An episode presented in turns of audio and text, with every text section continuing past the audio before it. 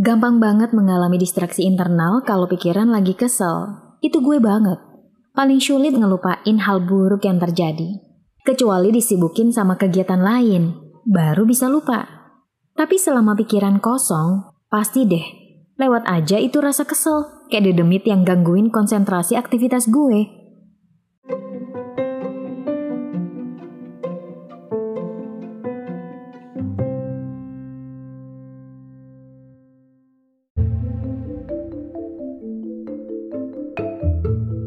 Episode ini adalah bagian dari tantangan 30 hari bersuara 2022 yang diselenggarakan komunitas The Podcasters Indonesia. Nggak cuma distraksi dari dalam diri, tapi juga faktor eksternal. Kalau udah megang handphone, bisa nggak sadar tuh, udah satu jam aja scrolling timeline, ketawa-ketawa sendiri lihat konten lucu, sampai konten motivasi. Tujuan awalnya emang cari inspirasi buat ide konten, tapi lama-kelamaan Kok ya cuma hiburan semata ngabisin waktu? Multitasking juga kadang bikin distraksi. Misalnya kalau lagi di rumah, nyuci baju sambil gosok baju, atau masak ikan sambil nyapu rumah, terus tiba-tiba ngecek handphone. Tahu-tahu bau gosong aja di kuali. Kalau yang ini emak gue paling sering. Lagi masak ikan, ditinggal. Pegang handphone nerima telepon saudara, ikan belum dibalik, alhasil gosong sebelah.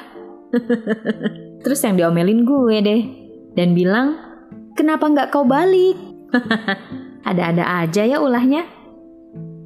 Kalau kata dua psikolog Matthew Killingsworth dan Daniel Gilbert dari Harvard, mereka bilang otak manusia secara unik terprogram untuk menikmati distraksi. Otak manusialah yang menjadi dalang dari susah fokus terutama saat bekerja. Ketika kamu sedang mengerjakan sesuatu nih misalnya, lalu tiba-tiba ngerasa bosan, Di situlah otak mengontrol dan mencari hal lain yang menarik dari aksi utamamu, seperti ngambil handphone, buka media sosial, atau sekedar mengingat hal apa yang mau kamu lakukan selanjutnya. Intinya sih, menjauhi aktivitas utama yang sedang kamu lakukan. Dan gue paling sering ke distraksi sama gangguan emosi. Mendadak aja gitu kepikiran drama yang udah lewat. Hal-hal yang bikin gue kesel. Menurut beberapa sumber media, pekerjaan yang cocok untuk orang yang kayak gini nih, yang mudah bosen, bisa jadi guru atau tenaga pengajar. Jurnalis juga oke, koki, atau pekerja industri restoran. Ahli kecantikan juga bisa, pengusaha dan ahli teknologi dan gue seorang jurnalis tulen. Suka banget berinteraksi dengan berbagai tipe narasumber dan kondisi lapangan yang berbeda-beda. Anak lapangan banget gue emang. Tapi ada satu hal yang ngebuat kamu gak bakal bosen. Mau tahu? Rasa cinta kamu ke dia.